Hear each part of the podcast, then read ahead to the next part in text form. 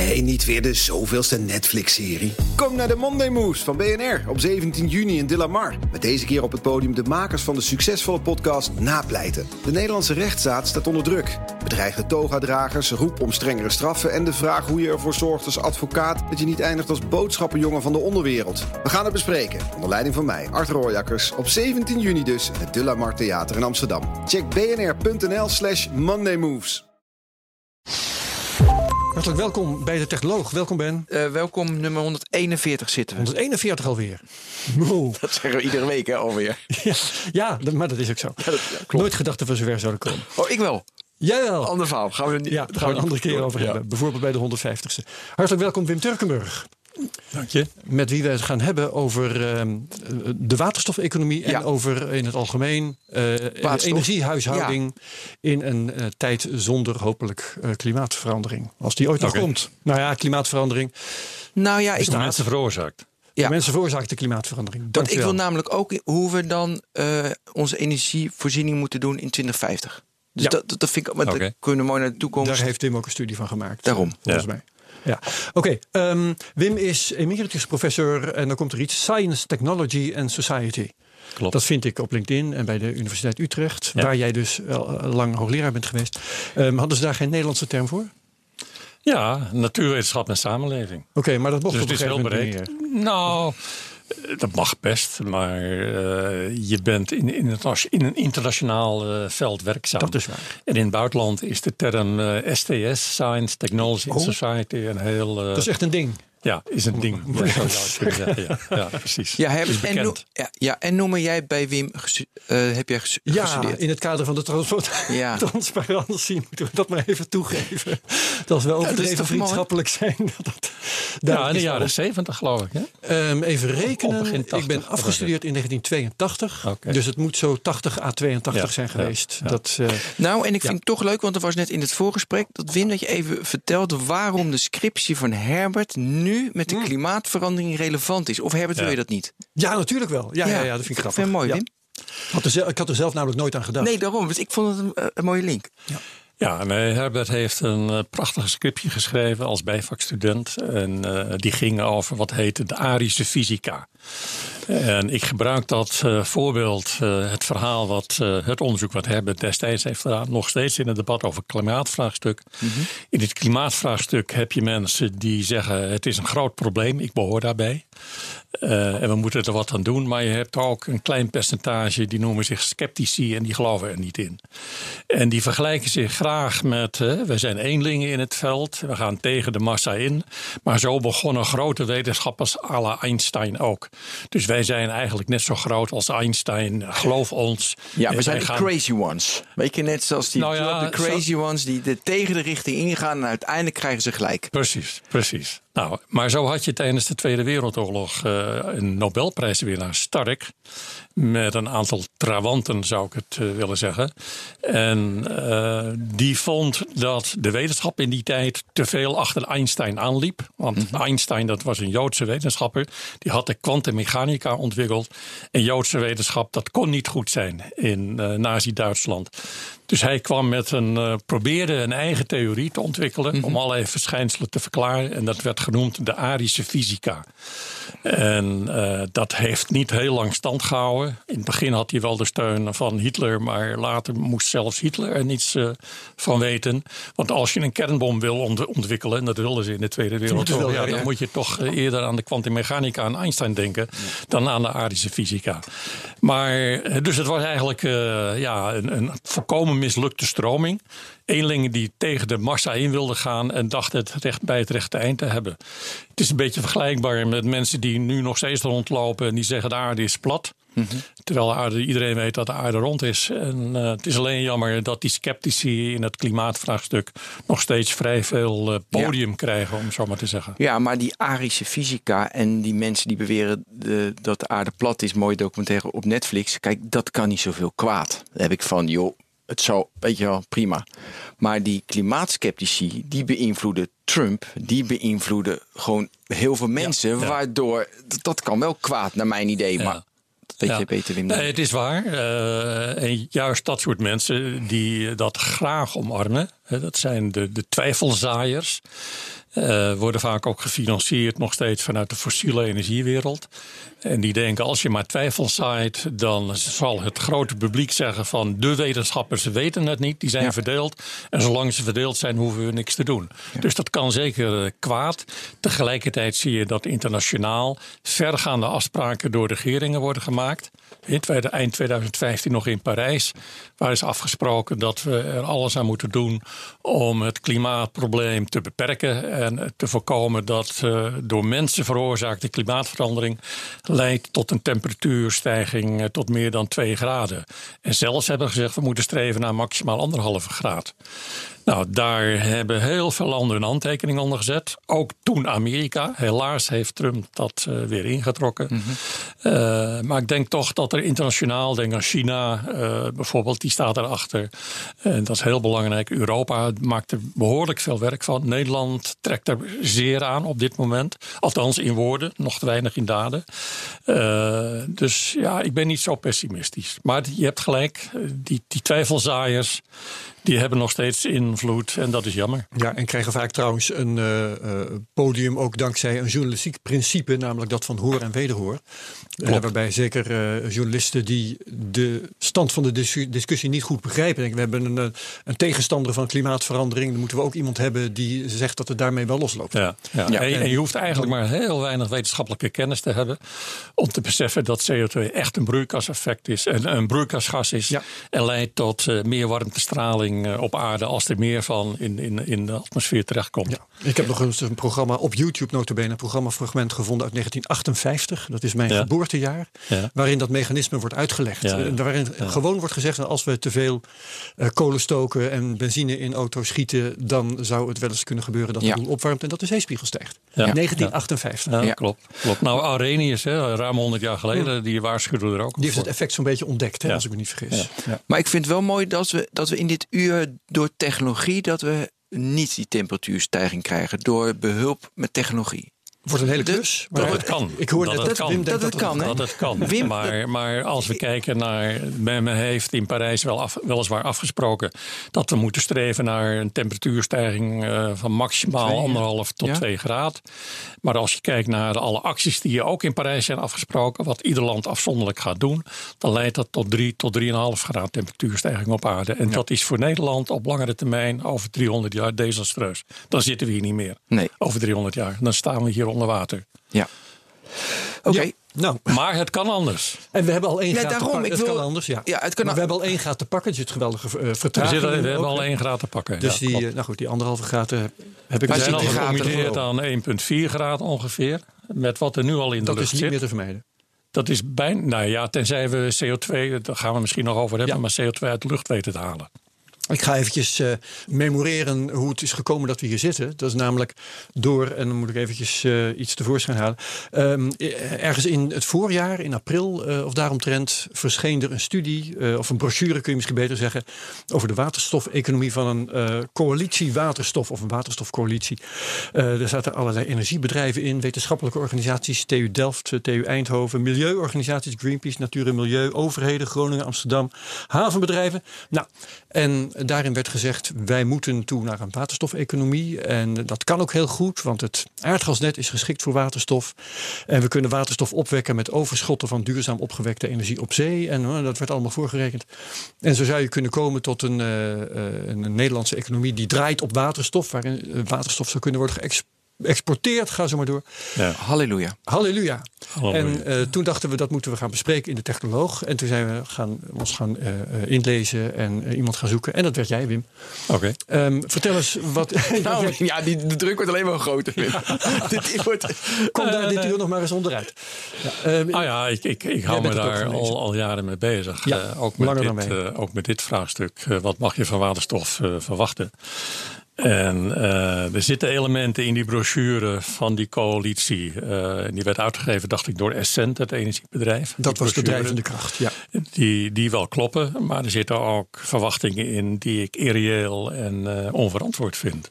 Ja, volgens mij zat de gasunie er ook in. Dan ga je ook denken, ja, ze willen waarschijnlijk toch zorgen dat ze zelf belangrijk blijven.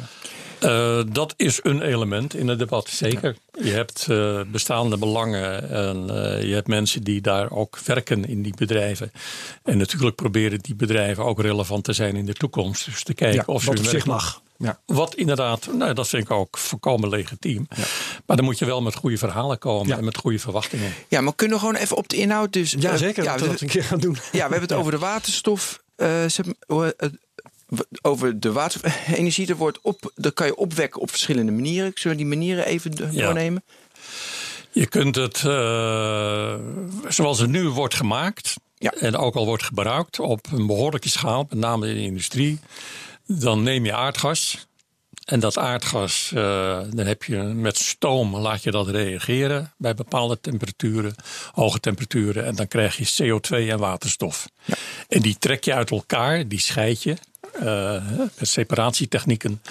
En dan hou je waterstof en CO2 over. Die waterstof kun je dan gebruiken, bijvoorbeeld als grondstof in de industrie. Of om een kunstmest van te maken. Maar je kunt hem ook in principe gebruiken als energiedrager. En die CO2 die laat ze op dit moment gewoon naar de lucht eh, weglopen. Oh en de waterstof die je dan produceert, dat, dat wordt dan genoemd grijze waterstof. Dus die wordt gemaakt uit fossiele brandstoffen. Meestal dus uh, aardgas. Ja. Maar die CO2 die daarbij vrijkomt, gaat de lucht in. En grijs, dat is uh, in tegenstelling tot waar we het straks over gaan hebben, groene waterstof die meer milieuvriendelijk is. Je hebt dan, uh, ja, je, maar je kunt eerst even bij dat grijs. Ja. Je kunt ook dus uit aardgas of uit steenkool waterstof produceren. Ja. Zonder die CO2 uit te stoten naar de lucht. Dan moet je hem dus afvangen. Ja. En bijvoorbeeld ondergronds in lege aardgasvelden of in aquifers opslaan. Ja. Of er droog ijs van maken. Ik bedoel, er zijn ook wel uh, CO2 als product kan zelfs ook nog. CO2 wordt in de ja, maar goed, niet? Je, kunt, je kunt het in de kolen stoppen. In feite gebeurt dat ook. Hm. al die bubbeltjes in onze flesjes die komen uit dat soort uh, ook processen. Voor, voor maar die CO2 gaat uiteindelijk wel de lucht in. Dus uh, draagt daarbij, dan komt er dus fossiele, noem ik het dan, fossiele CO2 in de lucht. Ja. Die is, heeft een fossiele achtergrond, oorsprong. En draagt dan bij aan het broeikaseffect. Dus op den duur zullen we moeten streven naar processen waarbij er geen enkele uitstoot ja, dus van CO2 meer plaatsvindt. Ja, dus deze manier op, uh, om het op te wekken door gas of kolen, dat is een tweede manier, dat is niet duurzaam. Uh, nou, dat hangt er vanaf van je definitie van duurzaam. Dus nou, als jij nou ja, dat er weer CO2 in de lucht komt of nee, dat is niet duurzaam. Dat is niet nee, duurzaam, absoluut niet. Nee. Maar je kunt het dus wel afvangen en ondergronds opslaan. Ja. Dan heb je geen bijdrage ja, aan het klimaatvraagstuk. Ja. En dat zou een belangrijke route zijn. Dat noemen we dan als je het uit, uit aardgas maakt blauwe waterstof. Dus wat ook in die brochure staat is... Als je die moeite neemt, wordt grijs opeens blauw. Dan wordt grijs blauw, precies. En op de lange termijn wordt dan gezegd in die brochure: je zou dan uh, overschotten aan zon- en windenergie kunnen nemen. Zonne-energie met zonnecellen zet je om in elektriciteit. Ja. En die elektriciteit met een elektrolyseproces gebruik je om zuurstof en waterstof uh, te maken. En die waterstof die gebruik je dan als energiedrager. Nou, dan, dan noem je dat groene waterstof. En de suggestie die wordt gewekt is dat we voor de elektriciteitsvoorziening die groene waterstof uh, al na 2030 hard nodig zouden hebben vanwege de overschotten die dan beginnen te ontstaan. En dat het ook een economisch heel interessante route is. Uh, Hard nodig om de overschotten aan duurzame energie op een of andere manier ja. te kunnen gebruiken. Nou ja, kijk, we hebben windenergie als het waait, maar niet als het niet waait. Dus uh, je zult op een gegeven moment heel veel windvermogen bijvoorbeeld op de Noordzee moeten oh neerzetten. En dat zal dus op een gegeven moment stroom produceren, maar ook zoveel stroom dat je het op dat moment niet kunt gebruiken. Ja. Maar op een later moment zou je het heel graag willen hebben als dus het stil is. Waterstof kan een soort accu zijn, bij wijze van spreken. Je slaat energie op in de vorm van waterstof en later ga je daar weer eh, een auto op laten rijden. En hetzelfde geldt voor zonne-energie. Als je zonnecellen hebt, uh, s'nachts hebben we natuurlijk geen zonlicht en toch heb je vaak stroomgebruik s'nachts. Dus wil je dan uit zonlicht toch nog stroom maken, zou je waterstof daar als intermediair kunnen gebruiken. Hetzelfde met zomer en winter. Zonne-energie, dat, uh, als je dat zo'n paneel uh, of systeem op je dak hebt staan, dat levert voor driekwart uh, zijn energie in het jaar in de zomer. En een kwart zeg maar in de winter. Ja. Dan heb je dus, zeker in donkere wintermaanden, heb je eigenlijk heel weinig zonne-energie. Toch wil je dan bijvoorbeeld uit zonne-energie stroom produceren. En dan zou je dus waterstof in de zomer kunnen maken, op kunnen slaan. Dan moet je denken aan grote holtes, bijvoorbeeld in zoutlagen. Zoutcavernes noemen we dat. Mhm. Daar sla je de waterstof in, in op. En in de winter haal je die waterstof weer uit en die zet je dan om in stroom. Ja, ik heb daar wel vragen over voordat we verder gaan. Ehm, even terug naar het opslaan van CO2. Ehm, zijn de technieken om CO2 op te slaan um, kosher? Want uh, er is natuurlijk ook altijd discussie. Barendrecht herinner ik me. Ja. Uh, als er een uh, bom valt, bij wijze van spreken, op een CO2-opslagplaats of weet ik veel, aardbeving, um, is dat altijd veilig? Want je wilt het niet weer terug hebben. Nou, het is, het is net zo veilig als dat je ondergronds uh, aardgaslagen in velden hebt zitten. Of, dat is waar. Ja. dus, uh, kwam er ook niet vanzelf uit. Dat komt er ook niet vanzelf uit. En je zit heel diep onder de grond, zeg maar zo'n paar kilometer onder de grond. Dus het is niet zo dat als er boven de grond een bom valt, dat dan onder de drie kilometer, twee kilometer onder de grond, nee. dat het dan groter. Jij beschouwt het als veilig. Ik zie ook op het kan veilig worden toegepast en het gebeurt al op heel veel plekken in de wereld. Hè? Met name in Europa, in Noorwegen. Ja, Noorwegen voor de zee. Uh, ik zie in zee, zie ik daar. Uh, ja, zie ik dus uh, je moet dat denk ik vooral beginnen ook offshore, zoals het heet. Dus ja. onder de zee. Hè? Niet in de zee zelf, nee, maar onder, een paar ja. kilometer onder de zeebodem. En in Noorwegen gebeurt dat. en op heel veel plekken op, op de wereld uh, wordt dat nu toegepast. Ja. Het Smea Haya Field heet het. Oké. Okay. Nou, ik, ik, uh, ik, zag een ja. presentatie en daar stond het in. En ik heb, ik heb ook expliciet dezelfde vraag over waterstof. Want ik weet dat waterstof uh, heel moeilijk op zijn plek te houden is, omdat het van die bewegelijke kleine moleculetjes zijn. Ja. Um, is waterstof ook onder de grond op te slaan? Of komt het In zoutcavernes is het, uh, dat gaat beproefd worden door onder andere de gasunie, maar uh, dat, is, dat is te doen. In zoutlagen slaan we ook al op dit moment uh, in cavernes, dus holtes in die zoutlagen, ook in Nederland, slaan we al aardgas op. Of gas wat we bijvoorbeeld importeren uit Rusland, wordt er opgeslagen. En op momenten dat uh, zeg maar onze eigen productie niet toereikend is, halen we gas uit die uh, opslagvelden. Nou, je kunt dat soort cavernes ook gebruiken in principe om de waterstof in op te slaan. Ja, uh, en dan tenslotte voor we echt verder gaan met. Uh, maar de veiligheid is natuurlijk veel meer hè, dan opslag. Het is natuurlijk ja. ook het transport ja. en ook allerlei apparatuur. En dus is ook een vraag: zou je, en dat wordt beweerd door de gascine, dus kun je de, de, de, aardgasleidingen in Nederland, die overal zo ongeveer liggen, Precies. kun je die zonder meer gebruiken om er ook aardgas, sorry, ja? waterstof, waterstof door te transporteren. Uh, je moet er heel goed naar kijken. Want waterstof, je hebt het al gezegd, dat is een heel klein bewegelijk molecuul. Het draagt bij aan, bij aan verbrossing van materialen. Oh, dus daarmee kan het sneller kapot gaan. Uh, je moet dus goed kijken naar zijn je materialen die je hebt gebruikt wel toereikend om dat langdurig en veilig te kunnen doen. De verwachting is dat het uh, transportnet in Nederland uh, daarvoor uh, geschikt is om waterstof te, uh, te, transporteren. Voor het distributienet moet je er iets zorgvuldiger naar kijken. Er zitten allerlei koppelingen in. Zeker als je het in de huishouden zelf gaat gebruiken met allerlei aansluitingen, daar zul je heel goed naar moeten kijken. Ja, want het is uh, ook een, een redelijk gevaarlijk goedje als je, als je niet uitkijkt. Als het is minder gevaarlijk in principe dan aardgas. Ja, is dat zo? Ja, ja, ja. Dat, dat beeld bestaat. Uh, nou ja, omdat dat, uh, ja, je zou kunnen zeggen, minder energieinhoud heeft. Hmm. Het, het ontvlamt wel al bij een wat lagere temperatuur. Dus je hoeft maar. Het, het, het ontvlamt sneller dan, dan aardgas, om het zo maar te zeggen. Dus je moet er inderdaad wel zorgvuldig mee omgaan. Nou, we weten dat in 1937 uh, uh, de Hindenburg, ja. een een of ander uh, luchtvaartuig, een ballon met waterstof, in brand is gevlogen. Wat betreft uh, waterstofgebruik voor bijvoorbeeld auto's, heb je in uh, Scandinavië daar een systeem wat in opbouw is. En in Noorwegen is nog niet zo heel lang geleden, in juni, ook een waterstofstation. Uh, ja, daar heeft een brand en een explosie plaatsgevonden. Dus je moet absoluut daar heel zorgvuldig naar kijken. Maar het lijkt veilig en verantwoord te kunnen. Maar risicoloos is niks. Nee, dus ook dit niet. Ja. Dan moeten we langzamerhand de boekhouding gaan doen, hè, denk ik. Of had je andere vragen, Ben? Nou ja, nee, want we zitten nu heel erg van hoe we het verkrijgen. Ja. En ik hoorde al um, uh, dat we in Noorwegen hebben, dat kan je inderdaad denken, maar ook in Nederland, moeten al naar de toepassingen. Ik wil ook wel naar toepassingen toe. De waterstofauto ja. eerst en, uh, en waterstofvliegtuig kwam ik gisteren Wat kan tegen. er allemaal op waterstof? Ja. Ik denk dus zelf even, als je het over toepassingen, dat waterstof, uh, met name groene waterstof, dat dat uh, in de elektriciteitsvoorziening niet een belangrijke rol zal gaan spelen. Ook niet in 2050. Maar dat het wel een belangrijke rol kan gaan spelen in de industrie. Uh, bijvoorbeeld bij staalproductie. Dus hoogovens, kijk daarnaar. Uh, in de chemie kan het een belangrijke rol spelen. En in transport zie ik het uh, een rol spelen als het gaat om bussen en vrachtwagens, wellicht.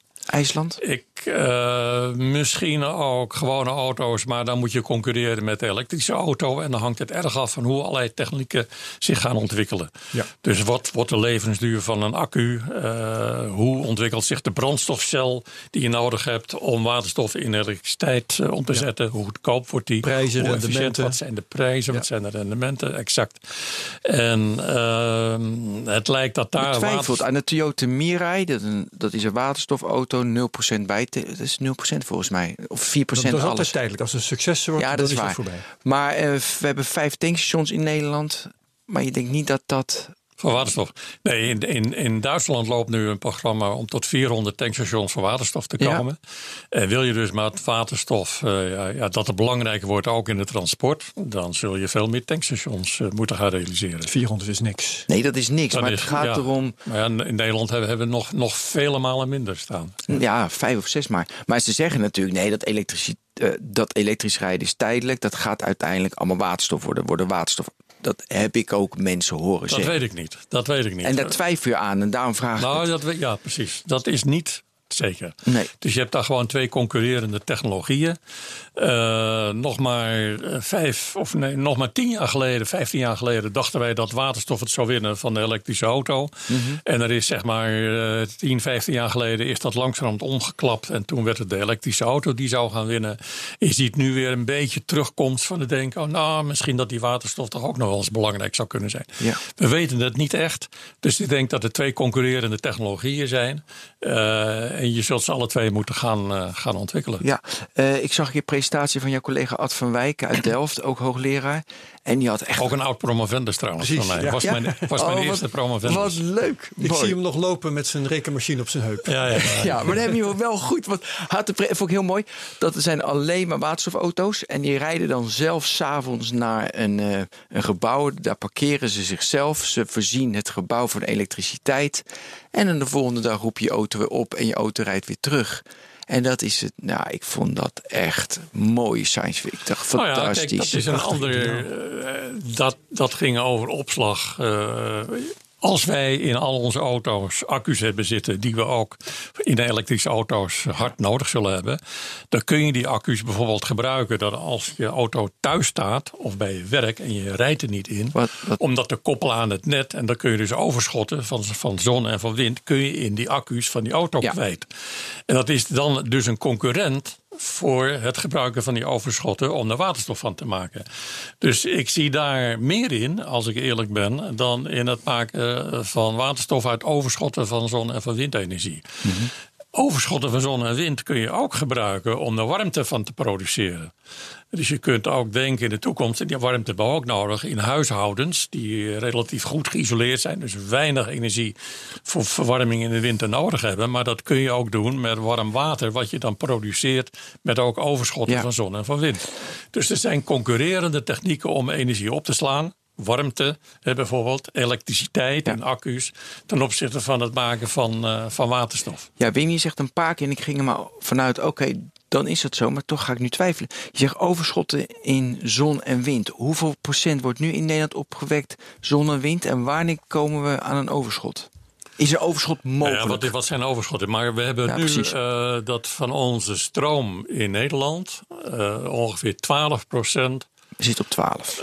we, zitten, ja, we lopen daar internationaal wat achter. Achter, ja.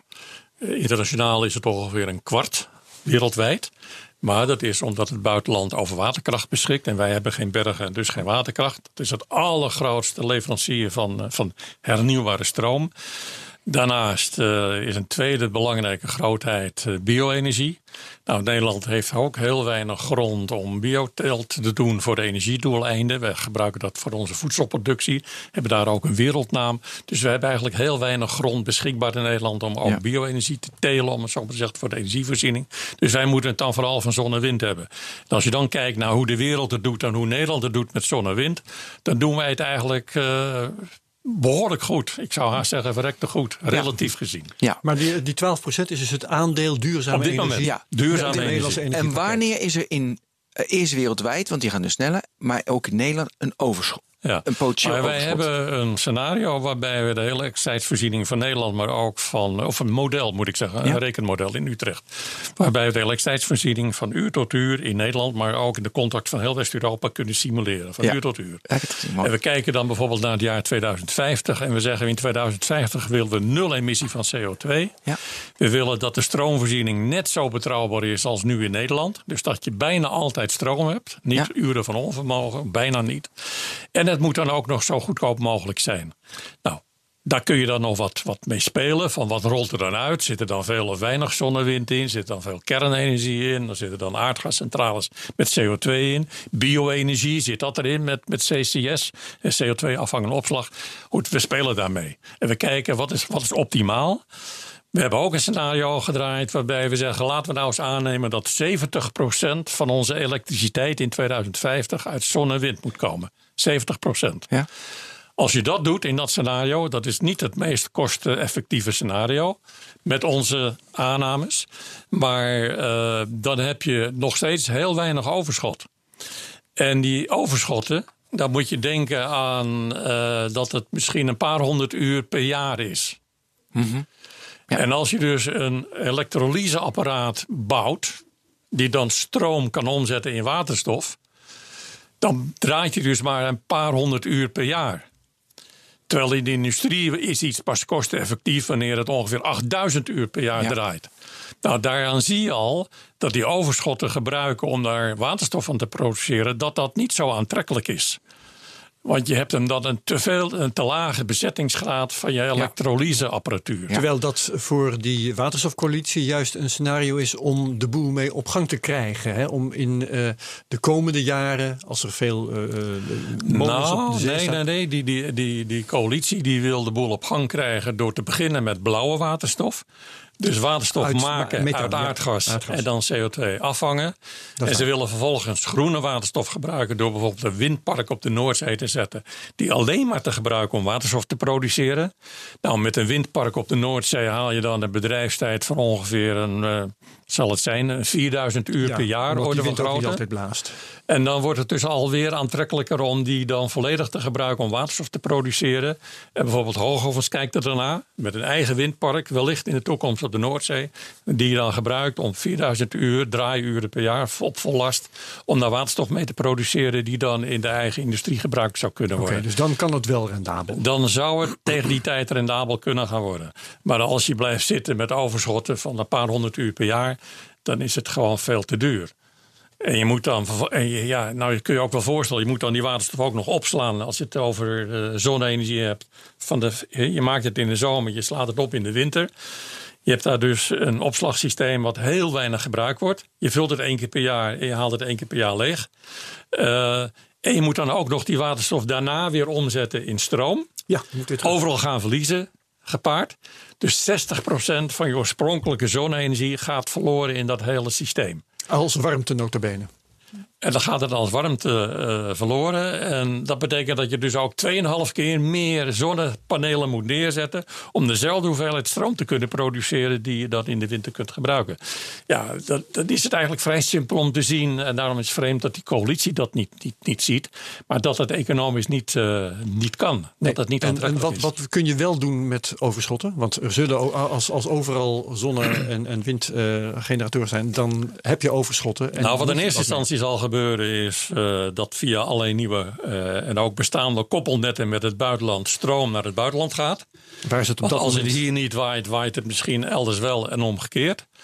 Als het in het zuiden zonnig is Mhm. en hier is het bewolkt, dan kan er dus zonnestroom naar ons toe komen, maar ook omgekeerd. Dus we zullen zware koppelnetten krijgen. Ja. Daar is Tenet ook mee bezig om nieuwe koppelnetten te maken. Ook Duitsland wil dat doen. beter uit met uh, die, die verliezen, want dan heb je weer verliezen dus door heb je minder verliezen. Afstand. Precies, dus heb je geen minder verliezen, want je exporteert het als het ware naar het buitenland. En dan uren dat wij tekort komen kijken of er in het buitenland stroom over is, wat we hier kunnen gebruiken. Dus dat is een belangrijk mechanisme. Ja. Uh, dat blijkt ook uit onze modelstudies, dat die koppelnetten heel erg uh, belangrijk zijn. Hoe ziet die eruit? Eh, dus die Hoogspanningsnetten. Hoogspan Hoogspanningsnetten. Ja. Alleen heb je, er wordt nu in Duitsland naar gekeken, wij hebben dat allemaal met wisselstroom. Mm -hmm. Dus wat je hier in het veld ziet staan, al die mooie draden door het landschap. Ik vind het een soort environment mental art. Uh, anderen vinden het lelijk, maar Precies, ik vind het mooi.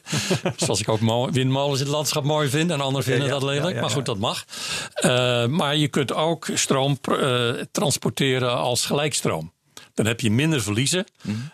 over hele grote afstanden kun je dat doen.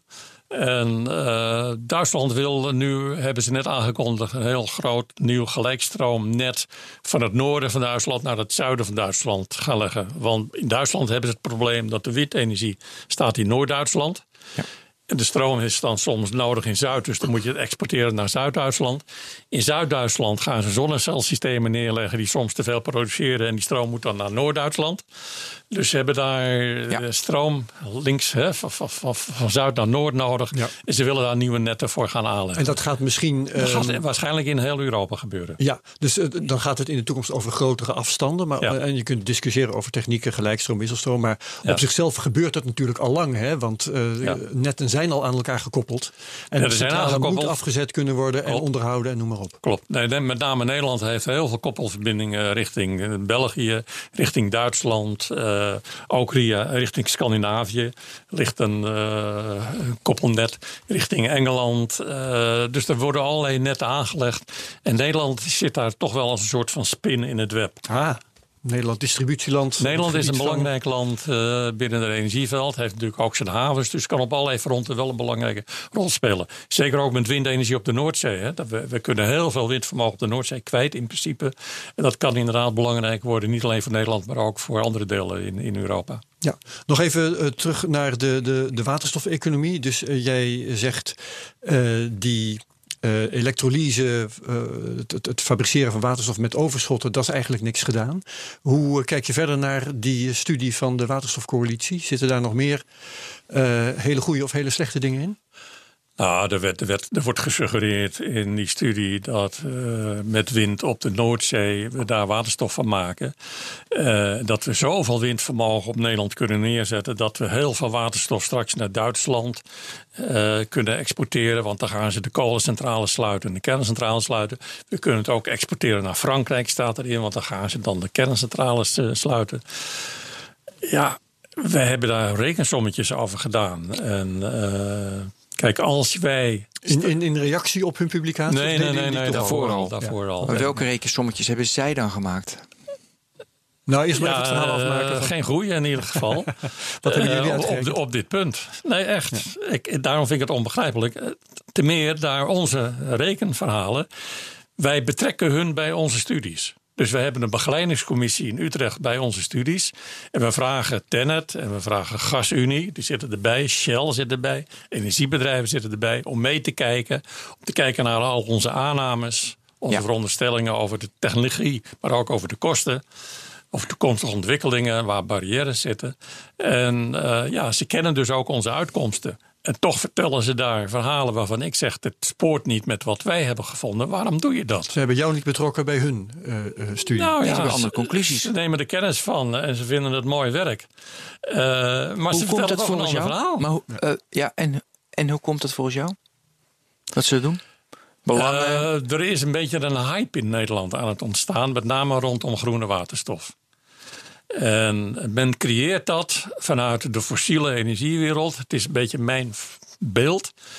Uh, als je nou maar zegt als fossiele energiewereld, wij zijn erg voor duurzame ontwikkelingen, dus erg voor groene waterstof, dan krijg je minder weerstand. En dan krijg je meer publieke support. En dat geluid wordt een beetje, ja, men overschreeuwt zichzelf op dit terrein. Ja. En uh, men durft het vaak niet eens meer te zeggen dat je die waterstof beter nu uit aardgas kunt maken met CO2-afvang en opslag ondergronds. Dat omdat, de milieubeweging, omdat de milieubeweging dat ook niet zo prettig vindt. Hmm. Uh, als je met CCS, met CO2 op uh, afvang en opslag zou gaan, gaan werken. En de milieubeweging hoort heel graag dat het over groene waterstof gaat. Uh, ook belangrijke energiebedrijven in Nederland, ook de topbedrijven in Nederland, zitten een beetje toch in dat denkspoor. We kunnen dat niet te hard zeggen, want uh, we moeten niet te veel weerstand uh, creëren. Ja, ja. Maar dan verwacht je dat dan bij de overheid er ambtenaren zitten die er toch heel kritisch naar kijken. Bijvoorbeeld als er een klimaatakkoord wordt afgesloten en er staan ook allerlei waterstofplannen in.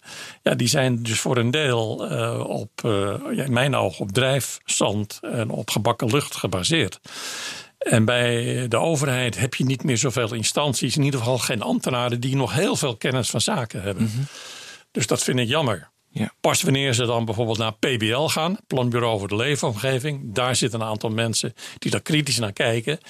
En die bevestigen als het ware het beeld wat ik ook uh, schets. Ja. Dus er is wel wat tegengeluid, maar toch blijft dat dominante geluid, ja. groene waterstof in 2030 is een, een, enorme kans en daar moeten we groot op inzetten. Ja, ik viel jou in de reden toen jij begon over rekensommetjes die jullie hadden gedaan. Weet je nog wat je daar ja, wilde gaan zeggen? En een optimum model, inderdaad. Want daar wil ik ook op terugkomen.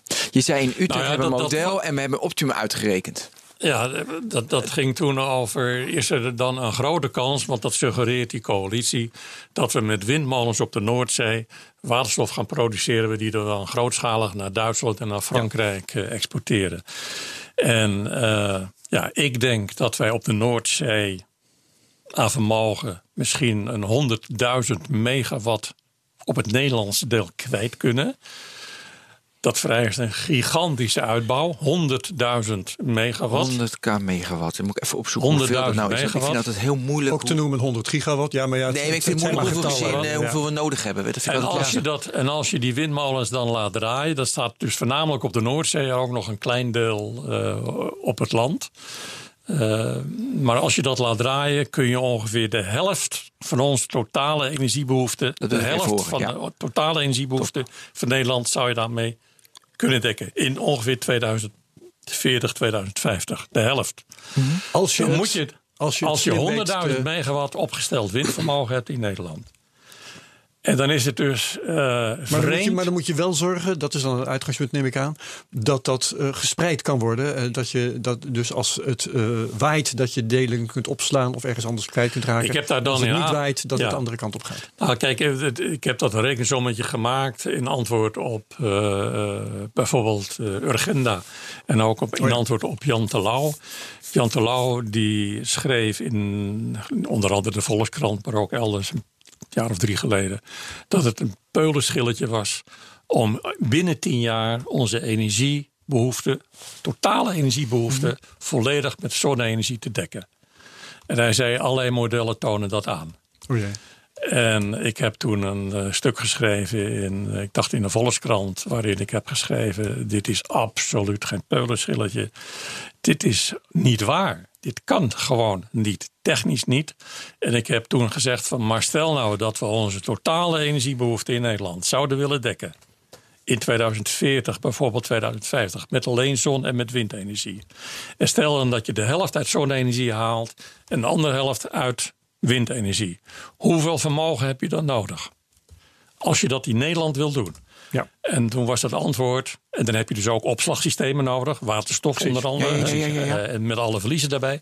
Toen was het antwoord. Dan heb je ongeveer 100.000 megawatt aan windvermogen nodig. En 400.000 megawatt aan zonnecelvermogen. Nou, als je dan naar, kijkt naar zonnecelvermogen, wat kunnen wij op onze daken van al onze huizen in Nederland kwijt? Dat is misschien 60 tot 70.000 megawatt. Dus als je dan zegt, we hebben 400.000 megawatt nodig, dan betekent dat dat je nog minstens twee, zo niet drie keer de provincie Utrecht aan oppervlak nodig hebt, die helemaal met zonnecellen moet bedekken. En dan kun je ongeveer met al dat vermogen ongeveer de helft van onze energievraag uh, in 2040 dekken. Ja. ja. dat vind ik niet een realistisch Nee, is niet realistisch. Gaaf dit. Uh, worden die zonnecellen niet efficiënter? Of daar kunnen we. Uh, nou, voor vermogen maakt dat niet uit. Die zonnecellen worden wel efficiënt, maar dan heb je inderdaad wat minder oppervlak nodig. Oké, maar. Ik ben uitgegaan van een rendement van die zonnecellen van ongeveer een uh, 20 procent. Je hebt kans dat dat richting de 25 procent gaat. Theoretisch, en uh, ik ben daar ook zelf bij betrokken geweest. Toen ik nog in Utrecht onderzoek deed, mm -hmm. ook aan zonnecellen kun je denken aan zonnecellen die richting een 30% rendement uh, gaan. Maar we praten nu toch over binnen enkele tientallen jaren moet dat op grote schaal gerealiseerd worden. Ja. Dus dan heb je weinig aan een zonnecel die misschien over 40 jaar 30% realiseert of 30 jaar. Maar die dan al uh, voor 400.000 megawatt uh, opgesteld moet zijn om stroom te produceren. Ja. Maar het, we zijn bezig met die ideale mix voor 2050. Hè? Ja. Da, da, daar werken we dus nu naartoe. Ja. Dus uh, met die zonnecellen, die 100k megawatt, nee wind. 100k megawatt. Uh, uh, hoeveel windvelden moeten we dan nog? hoeveel, hoe groot is dat? Er moeten wel heel ja, veel windvelden bij bouwen. Maar dan, dat, dat is wel staat zou, dan heb je, als ik me goed herinner, dan ongeveer 10% van het oppervlak van de Noordzee waarover wij beschikken nodig. 10 procent. 10 procent. Dat, uh, ik zeg het, ik, ik heb er nagerekend, maar ik heb het, nee, oké. ik heb het niet meer helemaal paraat, maar ik dacht dat het ongeveer 10 procent was. Ja. En uh, heb je ook paraat wat er nu staat? In vermogen of in oppervlak bijvoorbeeld van die Noordzee? Uh, nou, op, op, de Noordzee staat daar, wat is het nu? 1500 geloof ik. aan mee, nou, of, we, we gaan richting een paar duizend. Okay. En de streven ja, ja. is op dit moment van de overheid om in het jaar 2030 om nou ongeveer een, uh, tegen de 15.000 megawatt uh, opgesteld vermogen te hebben in 2030. Ja, dus er zit je op een fractie van wat er fractie, daarvoor ja. nodig zou zijn. Ja. En ja. Um, de scheepvaart piept nu al volgens mij. Ze beginnen nu te piepen. En de vissen. Ja. De vissen. Ja, nee. dat, ja van al die trillingen van die, ja, van die windmolens. Helemaal niet leuk voor die vis. Ja, dat heb ik gelezen. Nou, van, van het bouwen uh, heb je... Ja, goed. Daar zijn vragen over. Dat klinkt een beetje als... Ik denk zelf dat het wel ja, meevalt. Ik heb een onderzoek gelezen waarbij die vissen moeite hadden met die windmolens. Okay. Maar goed. Ja, met name bij het aanleggen van... Uh, omdat je daar de, de boel okay. verstoort. Ja, ja, ja, ja, Tegelijkertijd uh, is ook een gedachte dat daar waar die windmolen staan... dat het een soort rustgebied wordt voor, voor vissen. En, en, dat juist daar bijvoorbeeld, je zou er ook zeewierteelt kunnen doen en dat met biomassa aan de slag kunnen gaan. Met, uh, met oesters ook, heb ik ook gezien, dat de oesters een beetje tegenaan. Ja, heel, dus, uh... dus er is ook kans dat je dat, als je dat op een verstandige manier doet, kunt gebruiken als een soort kweekplaats juist voor vissen. Zou ja. leuk zijn, maar dat is bijzaak toch, lijkt mij. Ja, ik weet het niet. Biodiversiteit, biodiversiteit en behoud ja, van de oceaan en van het leven in de zee. Ook speculatief, ook dat, dat, is mijn punt. Als je dit, dit soort dingen erbij gaat halen. Okay. Ja, maar toen even terug naar die verdeling. Want als ja. we dit horen, is het natuurlijk die 100.000... Uh, Wat doen we voor 2050? Ja, om die 100.000 uh, moeilijk. We moeten dus uh, heel ver uh, doorgaan met, met wind op de Noordzee, dat zeker. Uh, we zullen ook veel aan zonnecelvermogen moeten gaan neerzetten. Uh, we zullen ook zonnecelvermogen in het buitenland moeten helpen realiseren. En dat dan bijvoorbeeld de stroom importeren of de waterstof die je daar produceert ja. importeren. Hè. Denk aan de Sahara, dat is denkbaar. Ad van Wijk uh, heeft daar onder andere pleidooien voor. Maar ik denk dat je daarnaast ook moet denken aan andere energiebronnen die geen CO2 uitstoten. En dan praat je in eerste instantie over andere hernieuwbare bronnen, dus geothermie. Mm -hmm waarmee je waterstof kunt, eh, sorry, warmte kunt maken. En uh, in principe zou je er ook in een aantal landen in Europa zou je er ook stroom mee kunnen maken. Italië doet dat bijvoorbeeld. Of in IJsland gebeurt dat ook. Ja. Uh, dus geothermie kan voor Nederland om daar stroom van te maken wat minder geschikt, maar wel om dat als warmtebron te gebruiken. Je kunt ook uh, aan bio-energie dus denken, maar ook daar zijn vraagstukken. Uh, die bio-energie, biomassa moet dan absoluut duurzaam worden gemaakt en, en ge gewonnen en ingezet. Uh, maar goed, ja. daar zijn vragen over te stellen. Ja, precies. Want het probleem van biomassa is natuurlijk steeds weer dat de oppervlakte die je daarvoor nodig hebt, die kun je niet voor iets anders gebruiken. Je hebt heel veel oppervlak nodig, ja. dat klopt. Daar gaat de natuur onder lijden, daar gaat de landbouw onder lijden. Nou, als je het verstandig doet, dan hoeft de natuur en de landbouw daar niet uh, onder uh, te lijden.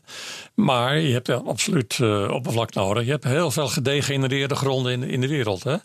Die dus eigenlijk nu nauwelijks een functie hebben. En die zou je in principe kunnen gebruiken, bijvoorbeeld voor dit soort doeleinden. We gaan steeds meer naar verzilting van gronden. Dus een van de aandachtsvelden binnen het bio-energieonderzoek is: kun je die zilte gronden niet gebruiken voor het kweken van delen van biomassa, die je dan bijvoorbeeld uh, zou kunnen gebruiken voor de energieopwekking of als grondstof in de industrie.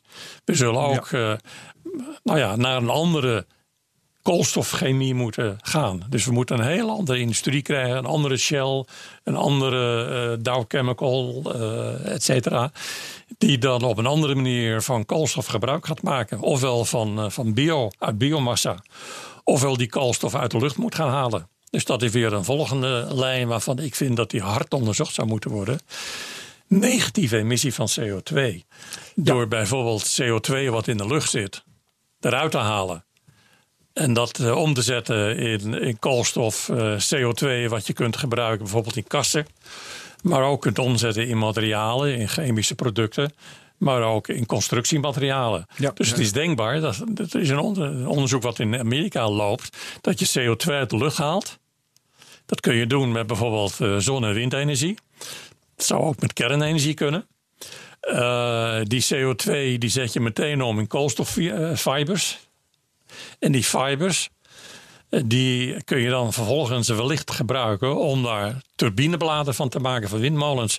Om daar auto's mee te bouwen. Om daar huizen mee te bouwen. Dus het zou heel interessant zijn om die onderzoeklijn verder te verkennen. Hoe je CO2 uit de lucht haalt. Dat kan steeds goedkoper. Dat kost nog wel uh, twintig jaar voordat dat op grote schaal en tegen lagere kosten kan.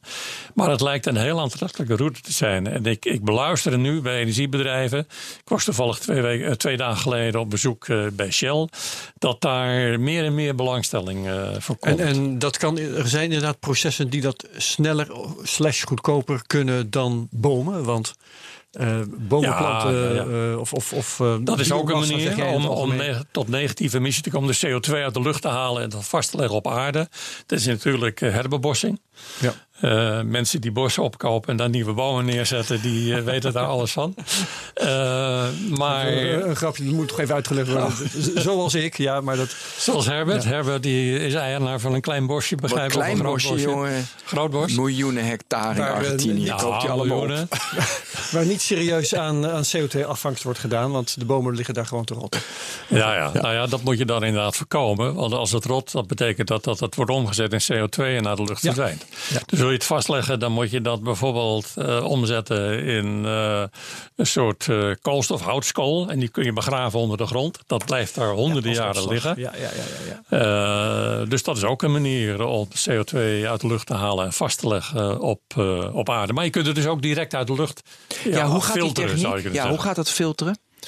Dat is, kan bijvoorbeeld met, met amines. Het is experimenteel, maar het wordt al toegepast. Uh, in Zwitserland, in uh, Amerika. Uh, je hebt daar bedrijven zoals Climework bijvoorbeeld in Zwitserland. Je hebt een bedrijf Carbon Engineering. Dat bouwt dus dat soort van systemen. En je hebt er dus energie voor nodig, elektriciteit, om die te laten draaien. En je hebt warmte nodig, want, want die, die CO2 die absorbeert dan aan een bepaalde stof. Ja. En die stof met geabsorbeerd CO2, die moet je dan opwarmen. En dan komt die CO2 weer puur vrij. Ja. En die pure CO2 kun je dan gebruiken of ondergronds opslaan of wat dan ook. Ja. En nou, dan de, de, energie die je daarvoor gebruikt kan maar beter duurzaam zijn. Anders die dan moet dan duurzaam zijn. En, en anderen zeggen, die, dan moet je dan bijvoorbeeld uh, kernenergie voor gebruiken. Ja. Want het voordeel van kernenergie is dan dat je daar een centrale kunt laten, 8000 uur per jaar kunt laten draaien. Terwijl je bij zonne-energie zeg maar in, in Nederland 1000 draaiuren, vollasturen hebt.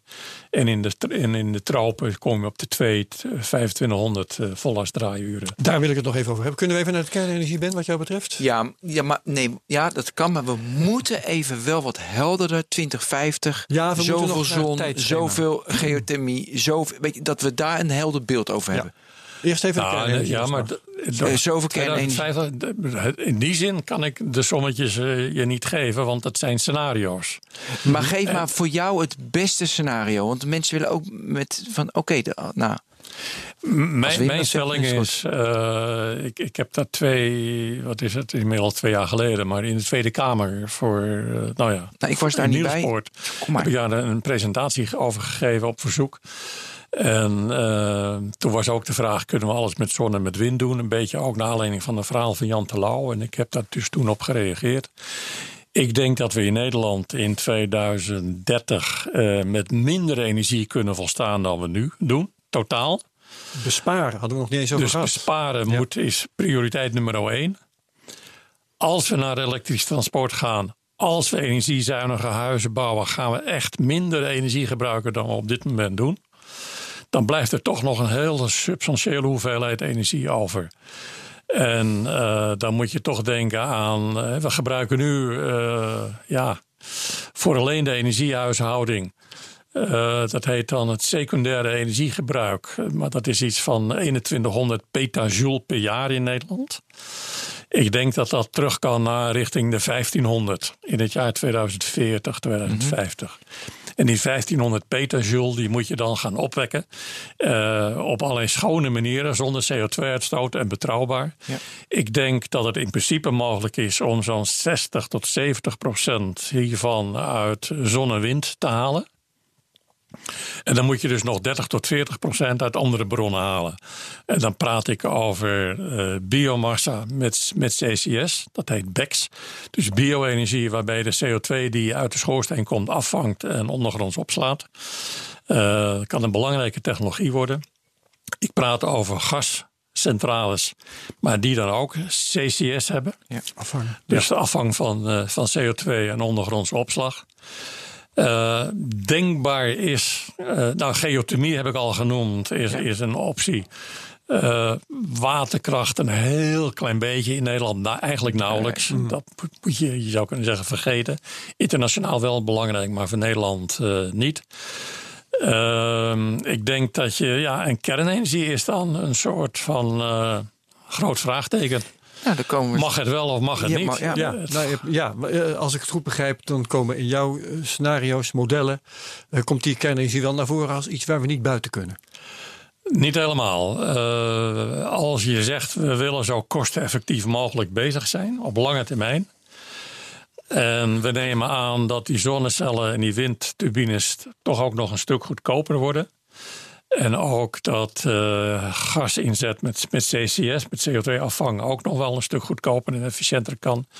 Dan blijkt uit onze modellen, als je dan stroom wilt produceren, dat kernenergiecentrales nog steeds een rol spelen. Uh, maar dat je dan uit duurzame bronnen, zon en wind, niet verder komt dan ongeveer 30% van onze stroombehoefte. En ongeveer 30% komt uit kerncentrales. En de resterende 40% komt dan uit allerlei andere opties die je dan kunt, uh, kunt inzetten, waaronder bio-energie. En dan heb je dus nul emissie van CO2 mm en je hebt een betrouwbare stroomvoorziening.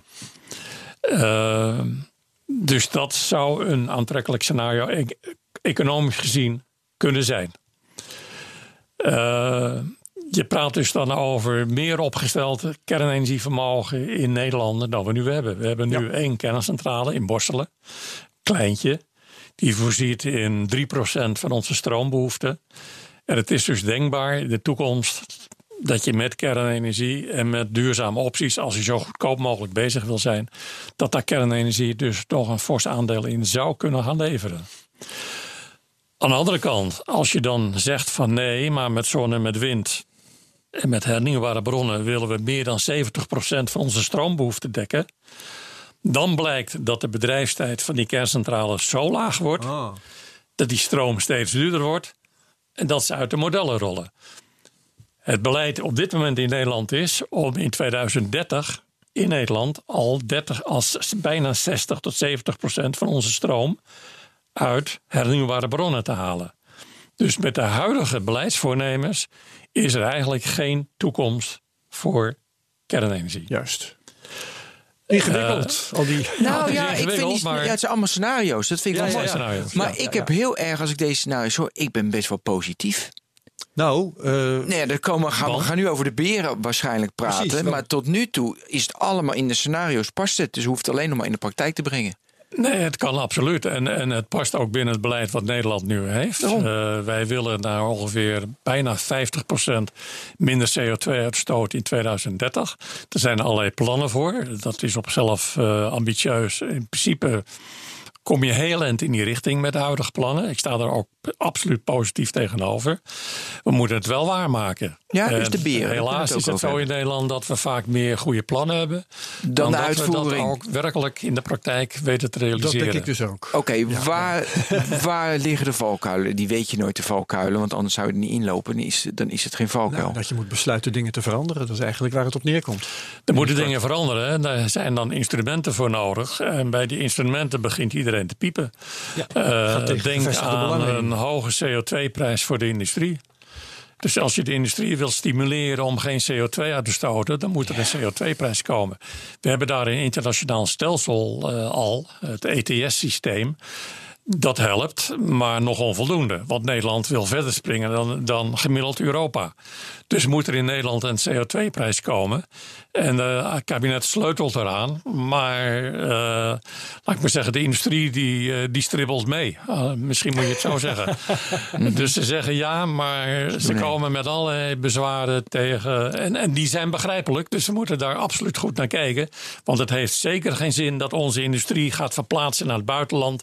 Waar ze gewoon doorgaan met CO2-uitstoot. Ja. Dus je moet het zodanig weten te realiseren dat die industrie hier blijft. Ook hierin wil investeren, nieuwe investeringen wil doen maar toch tot minder CO2-uitstoot komt. Ja, zijn er ook technische obstakels? Ik zie ze niet wezenlijk. Behalve, denk ik, uh, ja, als je het hebt over elektrificering van het transport. Uh, nou ja, je kent de problemen. Die auto rijdt niet veel verder dan, uh, laat ik maar zeggen, net 200 kilometer. Dan moet je weer opnieuw opladen. En dan ben je daar 10 tot een half, 10 minuten tot een half uur mee bezig. Uh, sommige mensen zien dat als een kans. Ik hoor, was laatst bij bijeenkomst. En dat blijken daar bij die oplaadstations mensen elkaar te ontmoeten. Uh, met dure auto's, want het zijn bijna allemaal dure auto's. Er zijn ook bepaalde klassen ontmoet, ontmoeten elkaar Prachtig, bij de oplaadstations. Contacten ontstaan. En komen daar precies en komen daar tot nieuwe afspraken. Dus uh, oh, dat is op zichzelf wel leuk. Uh, dus je krijgt een heel andere manier van met elkaar omgaan. wat relaxter wellicht. Maar goed, we zouden de oplaadtijd sterk moeten bekorten. Ja, en die range neemt ook echt wel toe, toch? de laatste die, tijd die technologie gaat hard en die, gaat, die wordt steeds beter. Maar is toch nog niet zo hard uh, gaande dat je kunt zeggen over vijf jaar hebben we auto's waarmee je zeg maar 4 tot, tot, tot 800 kilometer kunt rijden met een laadtijd van misschien 5 à 10 minuten. Uh, ik vrees dat we dan nog steeds langere tijden nodig hebben. En dat nou is natuurlijk weer het voordeel als je wel waterstof zou kunnen tanken. Want waterstof tanken doe je vijf minuten. Nou, ja, nee, maar het Is, uh, het, dat is nog te duur. Kijk, nu, ja. ik, ik laadde afgelopen week ook met 600 kilometer per uur laden. Dus dat is als je dat deelt door vier, dan zit ik al op 150 kilometer in een kwartier. Dat, dat ik verder kan. Dus dat vind ik best wel rap. Dus dat gaat nu echt wel snel. En die nieuwe V3-versie van Tesla, die gaat dan 1600 kilometer in een uur laden. Dus dan zit je in een kwartier 400 kilometer verder. Tuurlijk, maar dat is nu, want dat zegt ook Ad van Wijk, want ik ben fan van Ad. Uh, Ik volg alles van Ad. Uh, maar Ad die zegt, het gaat ook helemaal niet over de efficiëntie van opwekken van energie. Het gaat om prijs. Kom, weet je, je moet de afweging maken dat het, weet je, nu is energie ook goedkoop. Ja. En het is de afweging, is het duur of niet? En zo ook met die auto natuurlijk. Het is niet nou ja, duur, daarom uh, dat pleidooi voor die CO2-heffing. Uh, en die wordt nu verplicht uh, en, en, en, hoger, met name in de elektriciteitssector. Dus daar wordt het op een gegeven moment aantrekkelijk. Bijvoorbeeld als je blauwe waterstof wil maken. Mm -hmm. Grijze waterstof is goedkoper. Ja. Maar als die CO2-prijs, als daar een, een, prijskaartje aan hangt van ongeveer een 30 tot 40 euro per ton.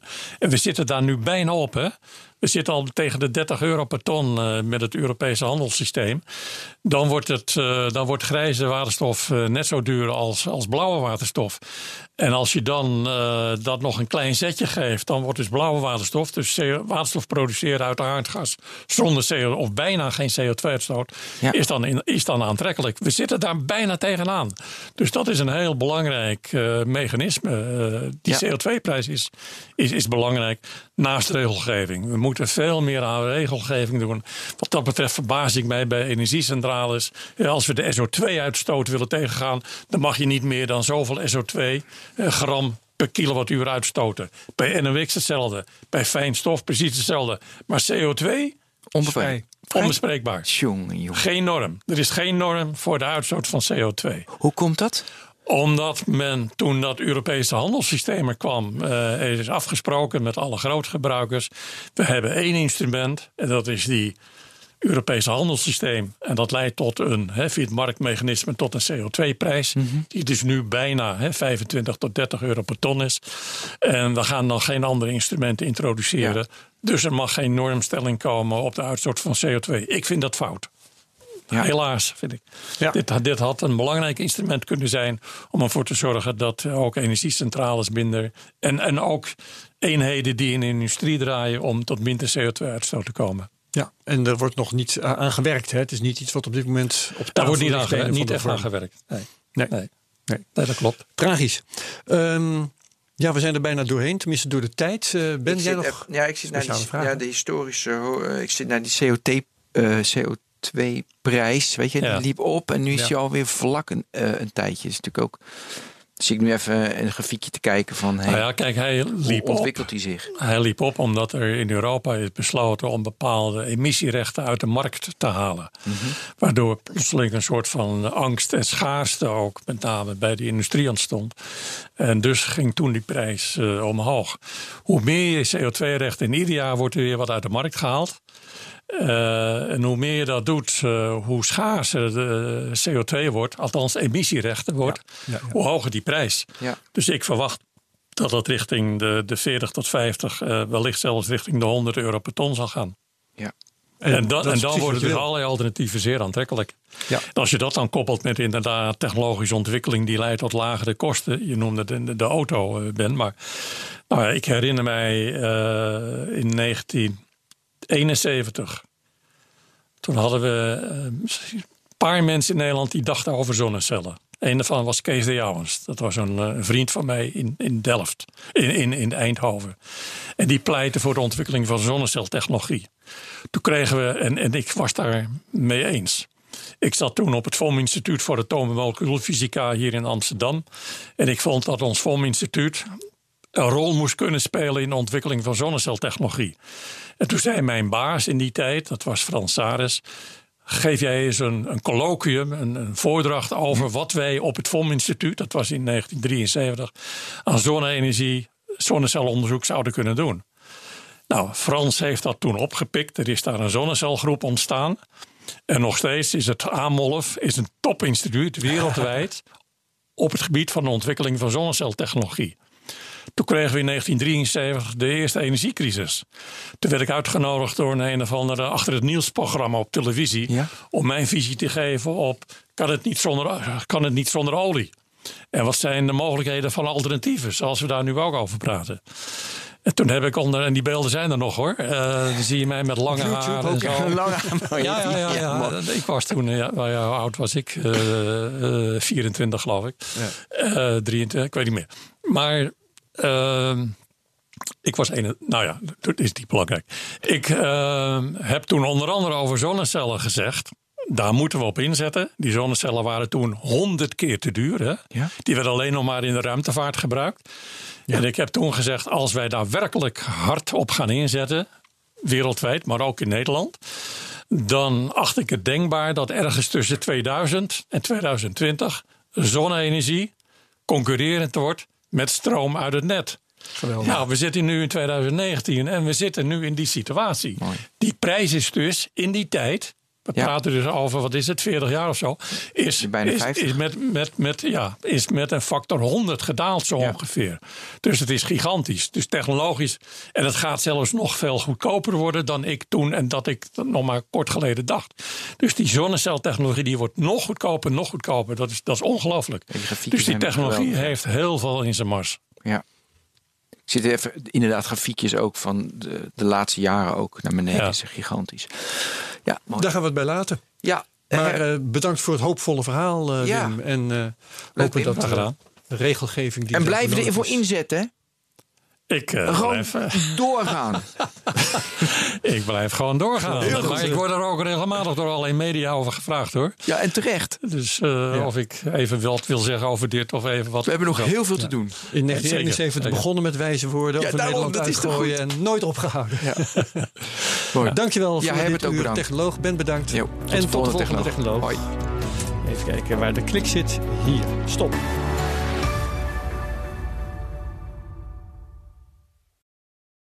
Ook Harm Edens vind je in de BNR-app. Je kunt BNR Duurzaam niet alleen live luisteren in de app, maar ook terugluisteren als podcast, zoals al onze podcasts. En naast dat de BNR-app Breaking News meldt, houden we je ook op de hoogte van het laatste zakelijke nieuws. Download nu de gratis BNR-app en blijf scherp.